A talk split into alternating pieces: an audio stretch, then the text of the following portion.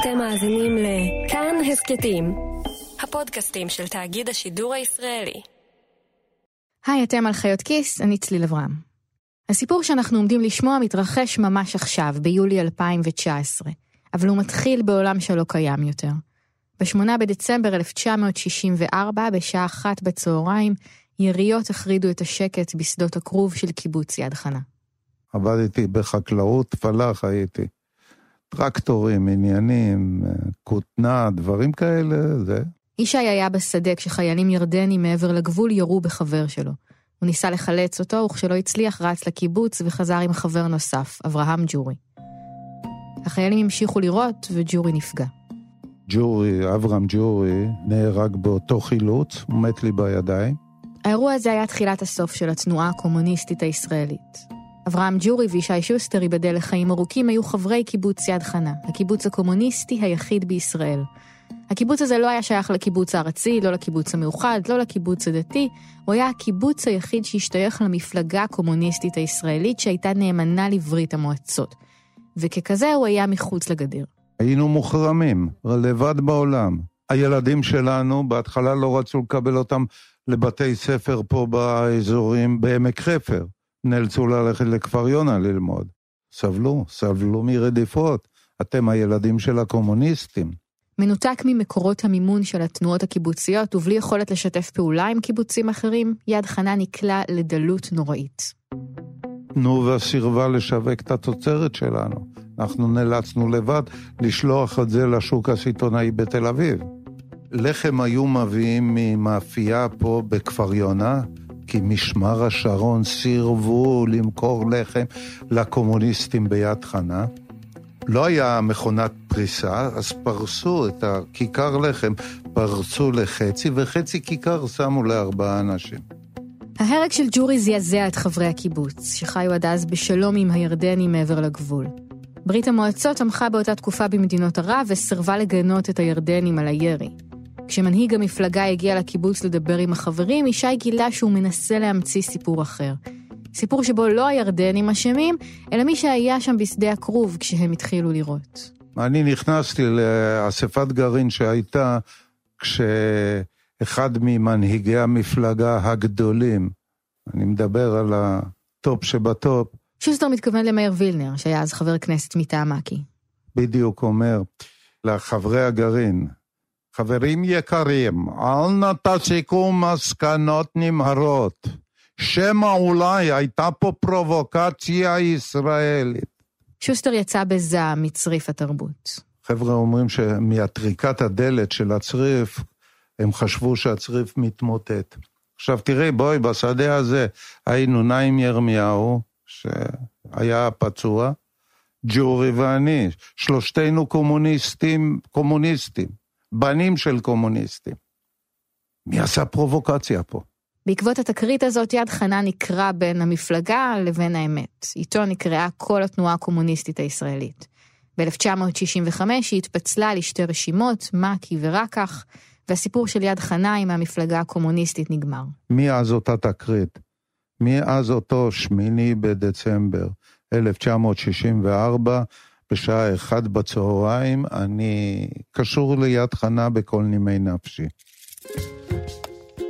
ישי שוסטר נשאר בקיבוץ, הוא ראה אותו נקלע לחובות ואת החברים נוטשים. הוא ראה את צריף התרבות נהרס, את חדר האוכל נסגר, את השדות מתייבשים, ועכשיו הוא רואה עוד מאבק. מאבק שישנה שוב את הקיבוץ ואת הקהילה שחיה בו, אבל גם את הנוף.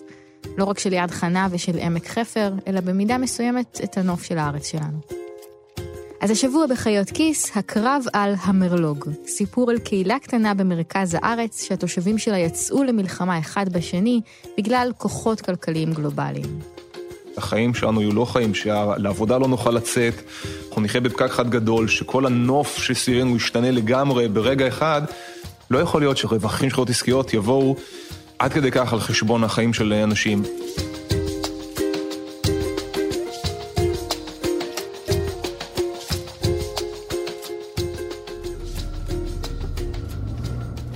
יד חנה נמצא בקצה של עמק חפר. מצומת בית ליד חוצים את העמק מזרחה, ואז קצת לפני כביש 6, טיפה צפונה. אם נוסעים נגד הכיוון של הפקקים זה פחות משעה מתל אביב, אבל על השבילים הקטנים שבין הבתים בקיבוץ, גוש דן מרגיש כמו שמועה. כבישים קטנים וישנים מובילים בין מושבים מנומנמים בשמש, ובצידי הדרך מטעי אבוקדו ועצים שפורחים עכשיו בוורוד ובחתום. אי אפשר שלא לאהוב את האזור הזה. ב-2005, כשיד חנה היה קיבוץ מרושש ונטוש שנותרו בו 90 משפחות בלבד, הוא הופרט. המדינה הציעה דיל, שמיטת חובות, בתמורה לקליטת מפוני חומש שבצפון השומרון, שפונה במסגרת תוכנית ההתנתקות. הקיבוצניקים הסכימו והקיבוץ הופרט והפך ליישוב קהילתי. כמה שנים אחר כך, עם עליית מחירי הדיור, התחילו להגיע ליד חנה זוגות צעירים שהסתובבו בארץ בחיפוש אחר חתיכת דשא לגדל עליה את הילדים שלהם, ויציאה לכביש שאפשר לנסוע עליו לעבודה בגוש דן. היום חיות כאן 240 משפחות. לא רחוק מהבית של ישי שוסטר, במרכז הישן של הקיבוץ, נמצא הבית של נעמן נוב ואיריס שיינסקי. נעמן עצמאי מיד חנה, אה, מתרגם. איריס עובדת בהייטק גם מיד חנה, כן. איריס ונעמן עברו ליד חנה לפני שבע שנים. הם לא באו מאידיאולוגיה ולא מהתפרקותה, אלא חיפשו מקום לגדל בו את הילדים שלהם. חיפשנו בית במרחב הכפרי, אה, מאוד אהבתי את זה שהיישוב קטן והילדים מאוד עצמאיים יכולים להגיע ממקום למקום. גם חיפשנו משהו שנוכל להרשות אותו לעצמנו. בדרך גם שלחו אותם לוועדת קבלה וליום במכון מיון. הלכנו למכון אדם אה, מלא שלחו אותנו, זה היה נורא מצחיק, אנחנו יושבים, אני ואיריס, יושבים ליד אה, אנשים שרוצים להיות נציגים בהוט או לא יודע מה, והם כולם חדורי מוטיבציה ונורא חשוב להם במבחן מטוסים לבנות כמה שיותר מטוסים. אחרי שהם התקבלו, הם בנו בית גדול ויפה במרכז הישן של הקיבוץ.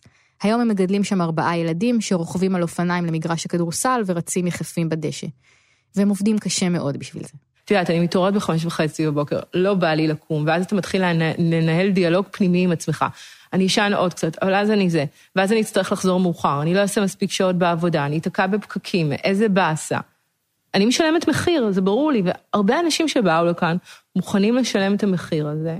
תראי, זה גם סטנדרט מגורים שאת לא יכולה לקבל אותו במרכז, כאילו לגור בבית כזה על חצי דונם. אבל בשבעת החודשים האחרונים, משהו מאיים על חלקת גן העדן שהם בנו לעצמם. וידענו שהדבר הזה הולך אה, לקום, לא ידענו בדיוק מה יקום, כי כל הזמן דיברו, זה יבוא, זה יבוא, הכל שמועות. כשאיריס ונעמן הגיעו לוועדת הקבלה ליד חנה, סיפרו להם שבקיבוץ עומד לקום אזור תעשייה. הם מספרים שדיברו איתם על פארק הייטק, או על משהו שמשלב מסחר. עכשיו, אחרי שנים, אזור התעשייה הכפרי שהיה אמור לקום לידם, זה שאמורים להיות בו חנויות ומסעדות ואולי הייטק, התחיל לקרום עור וגידים. ועכשיו פתאום, בינואר השנה, הגיע השלב שבו הם ביקשו היתרים. וזה נראה אחרת לגמרי ממה שהם דמיינו. ואז אתה רואה את התוכניות, ואתה מבין שהולכים להרים לך פה מרלוג, אחד מהגדולים בארץ, אם לא הגדול בארץ, של חברה דיפלומט, שזה גם כאן ראוי לציין אותה, חברת ההפצה הכי גדולה בארץ. יכול להיות שלא שמעתם על דיפלומט, אבל יש לכם מוצרים שלהם בבית. דיפלומט היא היבואנית הרשמית של ג'ילט, אולווייז, פמפרס, היינץ, אריאל, טייד, פרינגלס ודורסל, ואלה סתם כמה דוגמאות. ברבים מהשווקים האלה למותגים שלה יש מונופול, או שהם חלק מדואופול. מחזור המכירות שלה הוא כמעט 3 מיליארד שקלים בשנה, ועל פי הערכות האוצר הרווחיות שלה מגיעה ל-20 אחוזים. השליטה של דיפלומט בכל כך הרבה שווקים היא אחד הגורמים לחוסר התחרות פה וליוקר המחיה. אתם יכולים לשמוע עליה עוד בפרק שלנו ברוכים הבאים למונופולנד. בכל מקרה, את כל הסחורה שדיפלומט מייבאת מכל העולם היא מתכננת לרכז פה.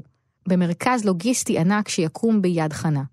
לא קרוב, לא ליד, לא מעבר לכביש, ממש ליד הבתים של יד חנה. שם, איפה שישי שוסטר חרש את שדות הכרוב בשנות ה-60, יקום מבנה בשטח של 60 דונם. דמיינו ארבעה מגרשי כדורגל עומדים זה לצד זה לאורך. עכשיו תרימו קיר מהדשא עד לגובה של שבע קומות. ועכשיו תאטמו הכל, בלי רווחים, בלי חלונות. קובייה אחת ענקית. ותצמידו עליה עוד קובייה כזו גבוהה כמעט פי שניים בגובה של 12 קומות. אם אתם מכירים את המרלוג של טבע ליד שוהם, מדובר פחות או יותר באותו גודל. עכשיו תתחילו למלא את הקוביות האלה במוצרים. תכניסו אליה משאיות מנמל חיפה ומנמל אשדוד, ותוציאו משאיות שנוסעות לכל הארץ. וגם עובדים, 300 אנשים שייכנסו ברכב פרטי ויצאו כל יום. ואת כל זה תפילו על הראש של יישוב קטן, עם כביש כניסה אחד, עם מסלול אחד, ו-240 משפחות שעברו לגור בו, כי הן רצו קצת שקט. וזה אולי נשמע כמו מחסן ליד הבית, אוקיי, זה לא פארק הייטק עם סניף של ג'ירף, אבל בסדר, החיים לא מושלמים.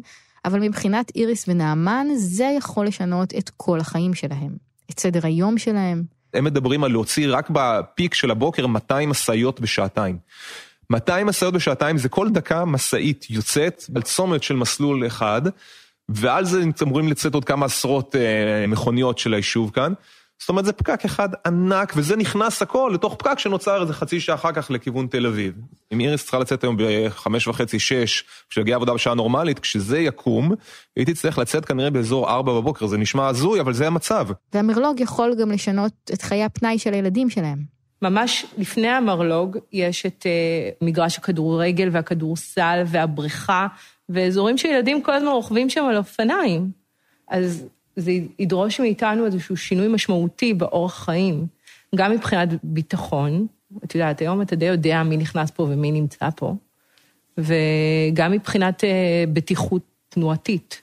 בלי, באמת, אין לנו שום בעיה עם אנשים שעובדים במרלוגים, זה בסדר גמור, הכל נפלא, כל עבודה מכבדת, אבל זה לא אנשים שגרים כאן. ניכנס מפה, נעשה סיבוב? אה, זה כאילו... נעשה לך מין סיבוב כזה קצת. זה שטח המריבה. לא, זה, זה כאן, וגם זה, כל זה. המרלוג עצמו דרך אגב יהיה בנוי עד לכאן כרגע בשלב ראשון, אחר כך יש פה שטח שהוא... אחרי השיחה שלנו איריס ונעמן לקחו אותי לשטח שעליו אמור לקום המרלוג. שם, ממש מעבר לקו הבתים הראשון של יד חנה, הם הראו לי את ההדמיות שהכינו עבורם על פי התוכניות של האזור. קשה לדמיין מבנה בגובה 32 מטר. בהדמיות רואים את הבתים של הקיבוץ, חד-קומתיים קטנים, ומעליהם מתנשא מבנה מפלצתי בגודלו. מנקודת המבט שלהם, הקובייה הענקית הזו היא גודזילה מבטון, שעתידה לרמוס בבת אחת את הפאזל העדין שהם הצליחו להרכיב עבור המשפחה שלהם. בית החלומות שלהם נמצא בקצה הגבול של כמה שהם יכלו לשלם. העבודה של איריס נמצאת בדיוק על הסף של כמה ניתן לנסוע ביום אחד. הם יצטרכו להתחיל מחדש את הסודוקו הישראלי הזה, שבו הפקקים, מחירי הנדל"ן, שעות העבודה ויוקר המחיה, כולם צריכים בסוף איכשהו להתכנס לכדי שגרת חיים של משפחה. המועצה הייתה צריכה לראות תוכנית כזאת, להגיד, יש פה מרחב כפרי, יש פה תשתיות מסוימות, זה לא יכול לעבור פה. כל בר דעת שרואה את הדבר הזה מבין שהדבר הזה לא יכול לקום. אז הם יצאו למאבק, יחד עם עוד 60 משפחות שמתנגדות. לקחו עורך דין, גייסו כסף והתחילו להילחם. להילחם במי? להילחם בשכנים שלהם. כי מי שהביא את המרלוג של דיפלומט על הראש של התושבים של יד חנה, הם התושבים האחרים של יד חנה.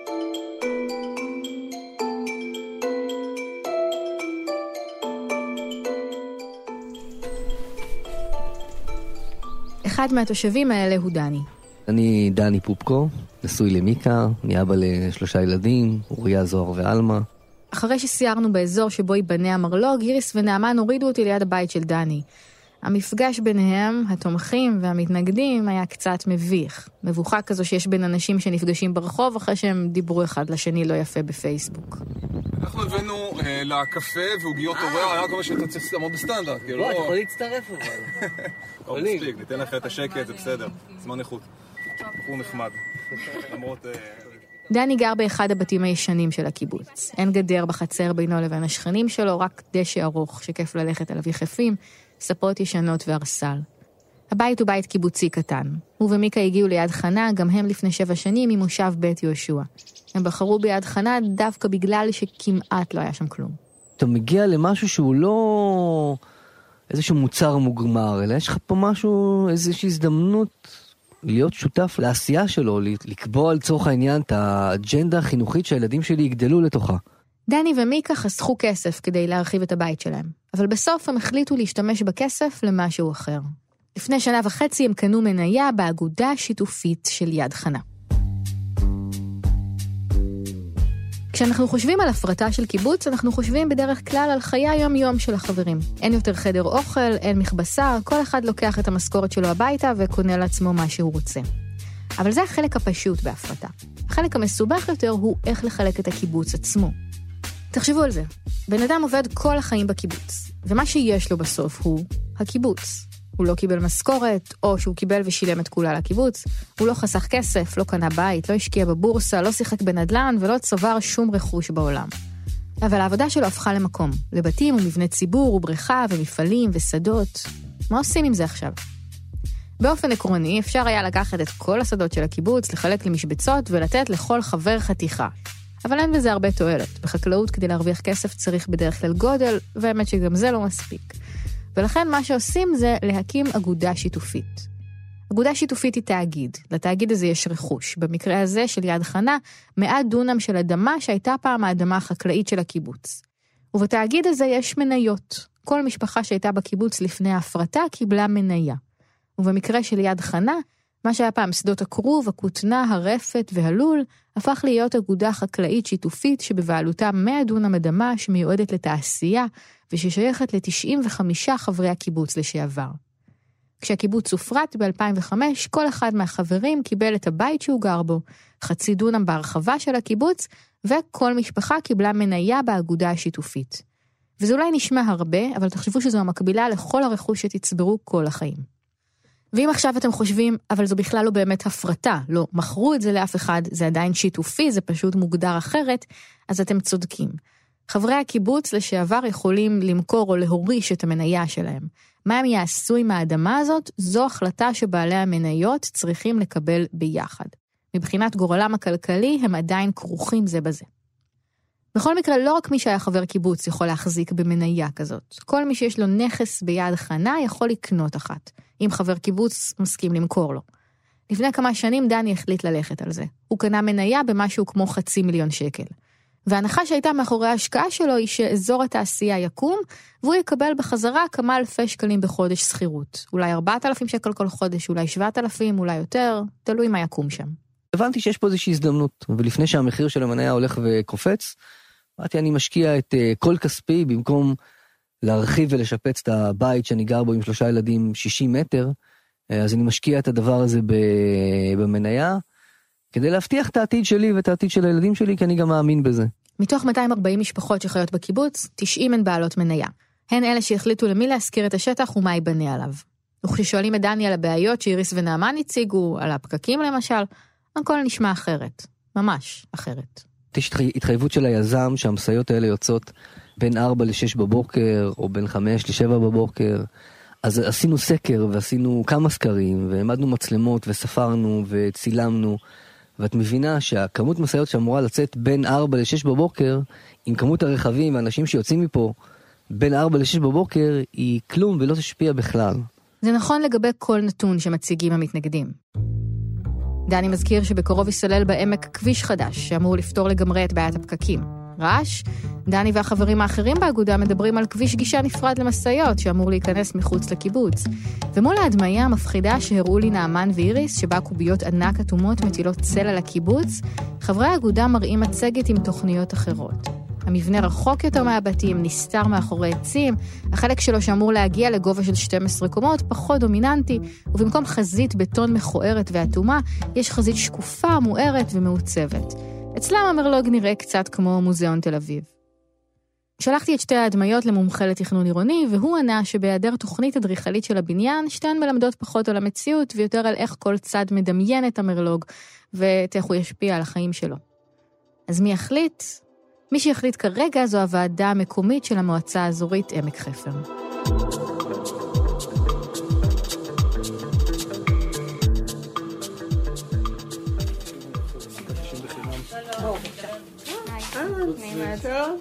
אני גלית, נעים מאוד. זאת גלית שאול. ראשת המועצה האזורית עמק חפר. גלית נבחרה בבחירות המוניציפליות האחרונות לפני שמונה חודשים. בעיר אתה עושה גן ציבורי או פארק שעשועים, כולם מוחאים לך כפיים. במועצה האזורית אתה בונה גן שעשועים, נניח ביישוב אחד, 40 יישובים אחרים כועסים עליך למה עשית את זה אצלם. קצת אחרי שהיא התיישבה על כיסא ראש המועצה, היא גילתה הפתעה, גירעון. סדר גודל פלוס מינוס של 50 אה, מיליון. המועצה האזורית עמק חפר היא מלבן גדול שמשתרע מהקו הירוק עד הים, מחדרה עד נתניה. יש בה 42 אלף תושבים שחיים ב-43 יישובים. האשכול הסוציו-אקונומי שלה הוא 8, כמו תל אביב. חלק מהיישובים הם קיבוצים ומושבים מפורסמים, כמו בית ינאי, כפר ויטקין, משמר השרון ומכמורת, וחלק הם יישובים קטנים ודלי משאבים, כמו אומץ וחניאל ועולש וגם יד חנה. ולגלית יש אתגר מיוחד בתפקיד שלה. היא צריכה לנהל אזור חקלאי בעידן פוסט-תעשייתי. כי הקסם הזה של עמק חפר, השמש ששוטפת את השדות, הילדים עם האופניים, הדבר הזה שגורם לך לשכוח את תל אביב עם הפקקים והקורקינטים שלה, זה לא מכניס כסף. וזה קשור לדרך שבה ארנונה עובדת בישראל. נגיד שאתם עומדים בראש איזושהי רשות מקומית בארץ, לא משנה אם זו עיר או מועצה אזורית או מקומית. מה אתם רוצים? אולי תגידו שאתם רוצים תושבים, כמה שיותר, וחינוך טוב, ופעילויות תרבות, ופארקים, ותשתיות, והסעות, וזה נכון, סביר להניח שאתם באמת רוצים את כל הדברים האלה. אבל כל אחד מהם עולה לכם כסף. איך תממנו אותם? אם התשובה שלכם היא ארנונה, אז זהו, שפה יש בעיה. כי כל יום שאנחנו חיים ביישוב שלנו, אנחנו עולים למועצה שלנו כסף. היא מוציאה עלינו כסף על פינוי אשפה, תאורה, גינון, מה שזה לא יהיה. והכסף שאנחנו משלמים ארנונה פשוט לא מספיק בשביל לכסות על כל ההוצאות האלה. רוב הרשויות מסבסדות את התושבים שלהן, בעיקר אם יש להם ילדים. מאיפה הן מביאות את הכסף? גם אדריכלים מעצבים את הבית שלהם בדיזיין סנטר. נלך על הקלאסי. מתחם העיצוב דיזיין סנטר, רחוב לכי 2, בני ברק. המתחם הזה בבני ברק, שכולם מכירים בעל פה את הכתובת שלו, כי הפרסומות שלו אכלו לנו את הראש במשך עשר שנים, הוא הדוגמה האולטימטיבית של הצלחה של עירייה להכניס כסף מארנונה לעסקים. כשעיריית בני ברק הבינה שהיא מחזיקה בנדלן שווה בלב גוש דן ובנתה שם אזור עסקים ומשרדים, היא הפכה מעירייה ענייה לעשירה. ההכנסות שלה גדלו תוך כמה שנים מכמה מיליונים בודדים ליותר מ-100 מיליון שקל בשנה. וזאת הסיבה שכל הרשויות המקומיות רוצות סניף של איקאה, קניון, בנייני משרדים ופארק הייטק. אבל זה קל לעשות את זה כשזו בני ברק. בניגוד למועצות אחרות שמתמודדות עם גירעונות כי אין להן שטחים לבנות עליהם בנייני משרדים, לעמק חפר דווקא יש הרבה אדמה, אבל היום כולם, כל מצפה בגליל, עיירת פיתוח בדרום, כל התנחלות ועיר שינה, כולם רוצים פארק הייטק עם בתי קפה ומסעדות. וכל רשות מקומית מנסה למשוך אליה כמה שיותר עסקים גדולים שישלמו ארנונה. גם ביד חנה ניסו. במצגת שהוצגה למשקיעים בניסיון להקים פארק תעשייה והייטק ביד חנה, רואים הדמיות של מה שנראה כמו הרצליה פיתוח, או רמת החייל. פארק העסקים אנטר פארק מציע תפיסה ייחודית לסביבת העסקים של המאה ה-21, סביבת עבודה מתקדמת, סינרגטית וגמישה, אישית ושיתופית, היוצרת מפגשים יומיים מעוררי השראה בין עולם העסקים לחיי הקהילה. תכנון אדריכלי המקפיד על חזות אסתטית גבוהה ועיצוב ארכיטקטוני מרשים השם דגש על יצירת סדר מרחבי במתחם בעזרת אלמנטים קשיחים כלפי חוץ וגמישים כלפי פנים, היוצרים את דימוי הפארק כלפי סביבתו. אבל המבנים האלה אף פעם לא קמו. האגודה לא הצליחה לשווק אותם.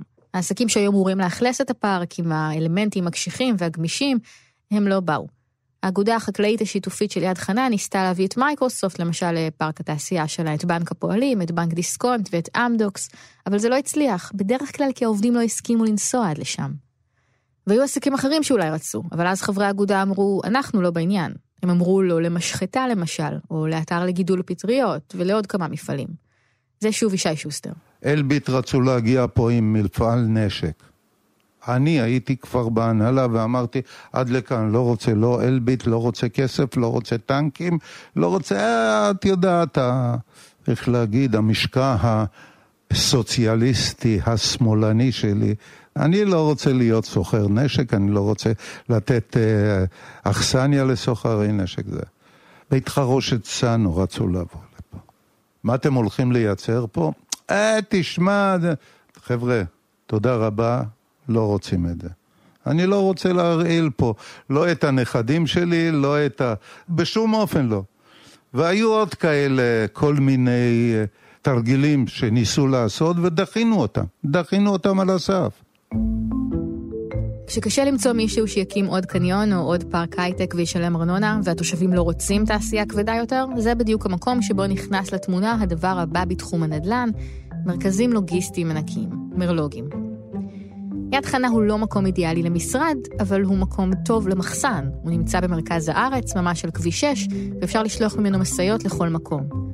המרלוג הוא לא אידיאלי ליד חנה, ולא לעמק חפר. הוא לא יפה, אין בו מסעדות, הוא לא מביא איתו עבודות טובות, אלא משרות בשכר מינימום, ובעיקר, הוא לא משלם את אותה ארנונה כמו שישלמו חברות הייטק ומשרדים, כי כולו קומה אחת.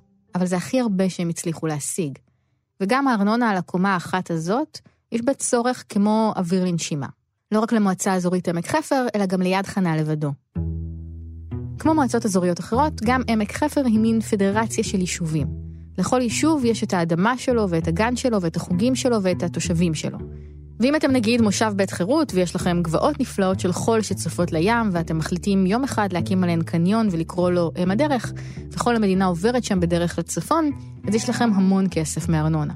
רובו עובר למועצה ועוזר לגלית עם הגירעון, הוא מכסה את ההסעות של כל הילדים בכל המועצה, אבל חלק, 13%, חוזר אליכם, ליישוב. ואז יש לכם יותר תקציב ליישוב שלכם. יותר תקציב למסיבות נוער במתנ"ס, או להסעות לים בחופש הגדול, או לחוגים, או לגינון בשבילים של הקיבוץ. ואם אתם יד חנה הקטן שנמצא במזרח, ליד גדר ההפרדה, רחוק מהכל, ואף אחד לא רוצה לבנות משרדים באזור תעשייה שלכם, אז יש לכם פחות מכל אלה.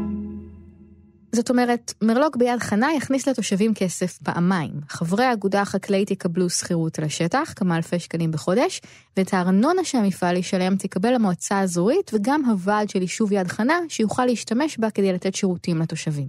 כמעט לכל יישוב יש את מקורות ההכנסה שלו, התעסוקה שלו, ומי שאין לו רוצה. אוקיי? זאת אומרת, אה, זה החלום ככה של כולם, אה, לקיים לעצמם איזשהו אזור אה, שייתן להם את הפרנסה. מבחינת גלית, אם הקיבוצניקים ביד חנה רוצים מרלוג על הראש שלהם ויהיה להם יותר כסף לעצמם וגם לתת למועצה, אז וולקאם. היא לא תגיד להם להישאר עניים בשביל לשמור על הנוף הכפרי. גם חוות הדעת של מהנדס המועצה היא שהמרלוג לא יכביד על התנועה ועל הסביבה, או לפחות יכביד פחות מהאפשרויות האחרות. זה יישוב ששנים התשתיות שלו לא שופרו, תהיה להם אה, יכולת גם בגלל הארנונה וגם ככה, גם לפעילות קהילתית טובה יותר, גם להשקעה בתשתיות, גם להביא את האנשים למקום. היישוב כולו ירוויח מהדבר הזה. אבל כשהמועצה אומרת שהיא הולכת עם התושבים, עולה השאלה, איזה מהתושבים? הסיטואציה הזאת שבה חיים ביישוב אחד תושבים משני סוגים, כשלחלק יש בעלות על הקרקע וזכות להחליט מה יעשו איתה ולחלק לא, היא מצד אחד חוקית והגיונית וברורה, בהתחשב בקניין שלהם, ומצד שני, משהו בה לא אינטואיטיבי, לא מסתדר לנו עם חוש הצדק, ומוציא אנשים מהכלים. בהתחלה כששמעתי את הסיפור של נעמן ואיריס, חשבתי כמו הרבה אנשים אחרים שזה מקרה של נימבי, תסמונת not in my backyard. כולם רוצים להזמין הכל מהאינטרנט, אבל אף אחד לא רוצה שהמרכז הלוגיסטי בגודל של 60 דונם יקום דווקא ליד החצר שלו. אבל האמת היא שהמרלוג של דיפלומט לא חייב להיות ליד בית של אף אחד. הוא יכול להיות באיירפורט סיטי, איפשהו היום, או באזור תעשייה אחר, שבו הוא לא יפריע לאיש. בסיפור הזה, יד חנה הוא זה שצריך את המרלוג, כי הוא לא מצליח למצוא מישהו אחר שייקח את שדות הכרוב של פעם. זו הסיבה שכשדיפלומט הגיעו ליד חנה, דני וחברי האגודה השיתופית החקלאית חשבו שזה הדבר הכי טוב שהם יכולים למצוא. אם האזור תעשייה הזה, אם לא יאושר ה-36 מטר וחס וחלילה דיפלומט אה, לא יבואו, אז יעשו פה משהו אחר שהוא לא בהכרח יהיה יותר טוב. והאלטרנטיבות יכולות להיות הרבה יותר גרועות, לא בגלל רוע, בגלל שאנחנו רוצים אה, לעשות אה, דווקא, כי זה המצב, זה המציאות.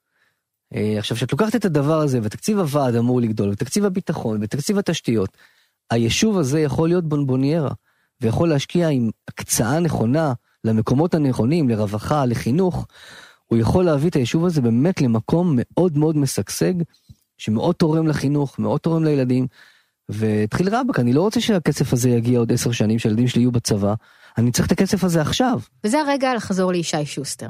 גם הוא, עם הפרטת הקיבוץ, קיבל מניה, והוא חבר באגודה השיתופית. אז מה הקומוניסט עם הדגל האדום בחדר העבודה חושב על כל הסיפור הזה? מבחינתי האישית, אוקיי, אני אגיד את זה. אני אגיד את זה, אני לא מתבייש להגיד. כשפירקנו את הקיבוץ, כשפירקו את הקיבוץ וזה, אז דיברו על זה שיש לכם פה, הפנסיה שלך תהיה, אני מתבייש להגיד, 1,300 שקל, זה הפנסיה שלי היום. אחרי 56 שנה. למה?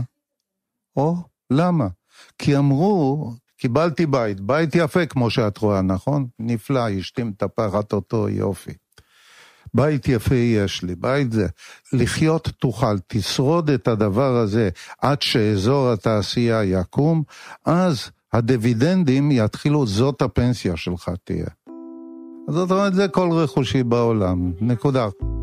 הם מדברים בסכומים בין 7,000 ל-17,000 שקל לחודש. אני לא מאמין שאני, בואי, אני בן 73.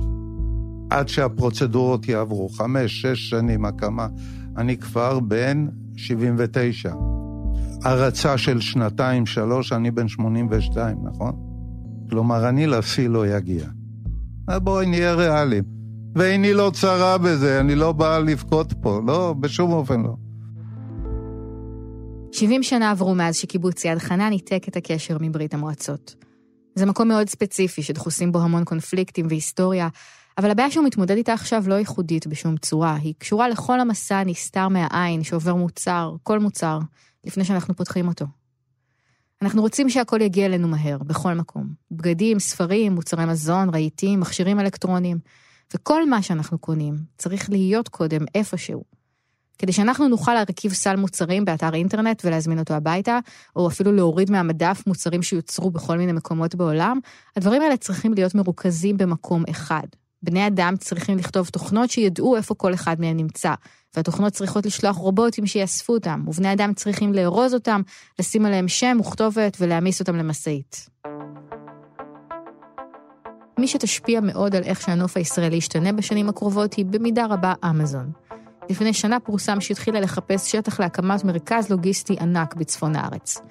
אחר כך זה שכח, אבל בכל מקרה אם אמזון תפעל בישראל, כל מי שירצה לעמוד בסטנדרט של קניות באינטרנט שהיא תציב יצטרך מבנה כזה. נכון, הסיפור ביד חנה הוא לא ממש נימבי, אבל כמו אנטנות סלולריות, לאט לאט המרלוגים הופכים לדבר הזה שאף אחד לא רוצה ליד הבית. איפה הם יהיו? תסתכלו מסביב. אלה יהיו בדיוק המקומות שאנחנו חולפים על פניהם כשאנחנו נוסעים על הכביש. אלה שלא נמצאים במרכז של שום דבר, שאף אחד לא רוצה להגיע אליהם במיוחד, שהם רק על הדרך לאנשהו. לא בטוח שאני מקבל את ההנחה שהשינוי הולך לקרות. זאת אומרת, השינוי הוא לא מחויב המציאות, אנשים מתייחסים לזה בתור קדמה. אני לא חושב שלקבל חבילה תוך שעה זה בהכרח קדמה... מרלוג שיושב שם לא פוגע במרחב הכפרי, איפה להפך. הוא תורם למרחב הכפרי. הוא תורם בכל המשאבים והכסף שהיישוב הזה אמור לקבל ולעשות את החיים פה הרבה הרבה יותר טובים. זו ההסתכלות שלי.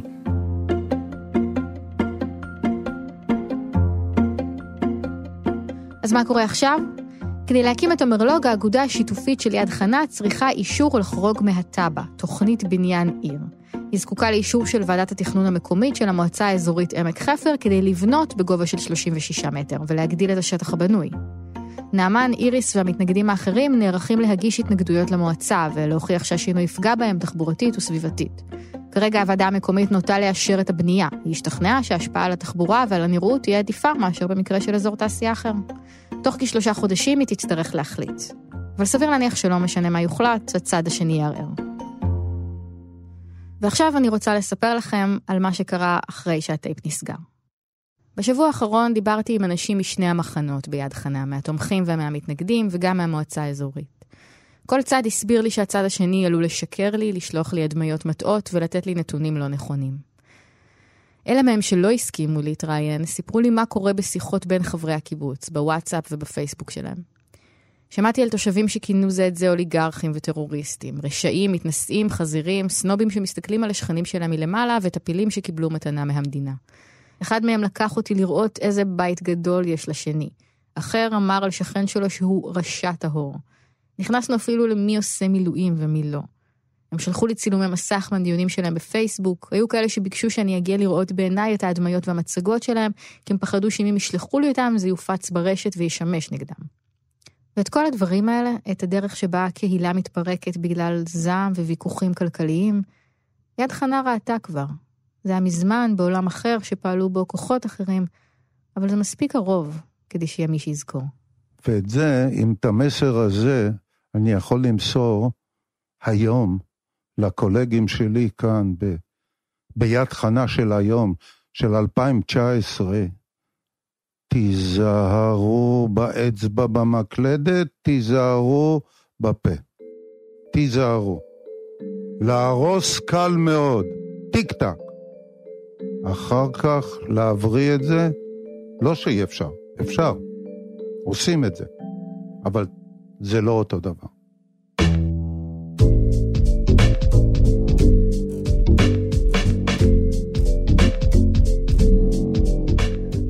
אנחנו חיות כיס, הפודקאסט הכלכלי של כאן. העורך שלנו הוא רום אטיק, עורך הסאונד הוא אסף רפפורט, שאול אמסטרדמסקי ודנה פרנק השתתפו גם הם בעריכה של הפרק הזה. אם אתם גרים ביישוב מיוחד עם סיפור מעניין, ספרו לנו, אנחנו אוהבים לטייל בארץ.